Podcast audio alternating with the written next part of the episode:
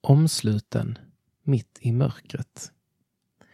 En artikel i serien Min väg till tro. Namn Anneli Jannesson. Ålder 22 år. Bostadsort Örkelljunga.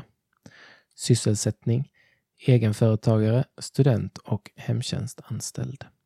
Intresse naturen. För Anneli Jannesson blev den kristna gemenskapen starten på ett helt nytt liv med både uppgångar och nedgångar.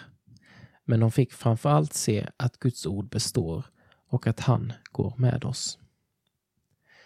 2010 åkte Anneli på ett konfirmationsläger som förändrade hela hennes liv.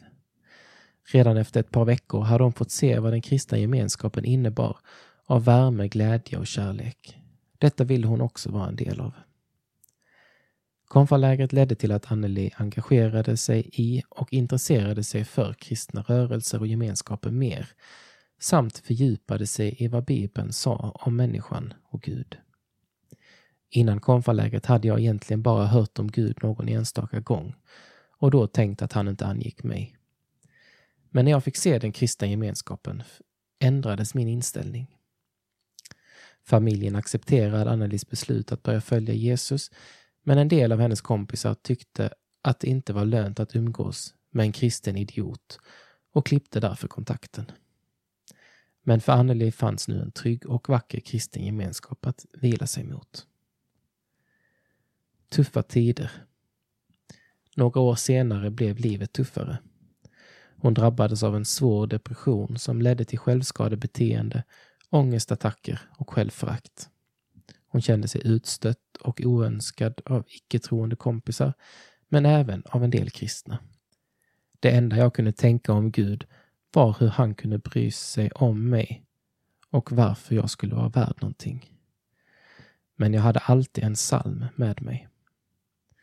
Saltaren 139, vers 5 var Guds sätt att hålla kvar Anneli hos sig. Även om hon själv upplevde det som att hon var övergiven. Salmen gav henne styrka och ork att fortsätta kämpa varje dag genom allt som var mörkt. Men Gud ledde också ut ur mörkret. Gud gav mig kristna vänner som fanns där för att stötta mig och hjälpa mig genom depressionen. När jag ser tillbaka ser jag att alla de människor som visade mig mest kärlek var kristna. Gud är med. Idag kan Anneli fortfarande känna av den svåra tiden och det tynger henne.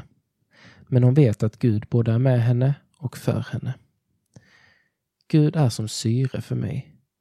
Ibland njuter man av ett djupt andetag och ibland tänker man inte ens på att man andas. Men det är syret som gör att man överlever, oavsett vad man själv tänker. Idag vill hon uppmuntra alla som känner att livet är mörker att inte ge upp och att lita på att Gud går bredvid och har koll.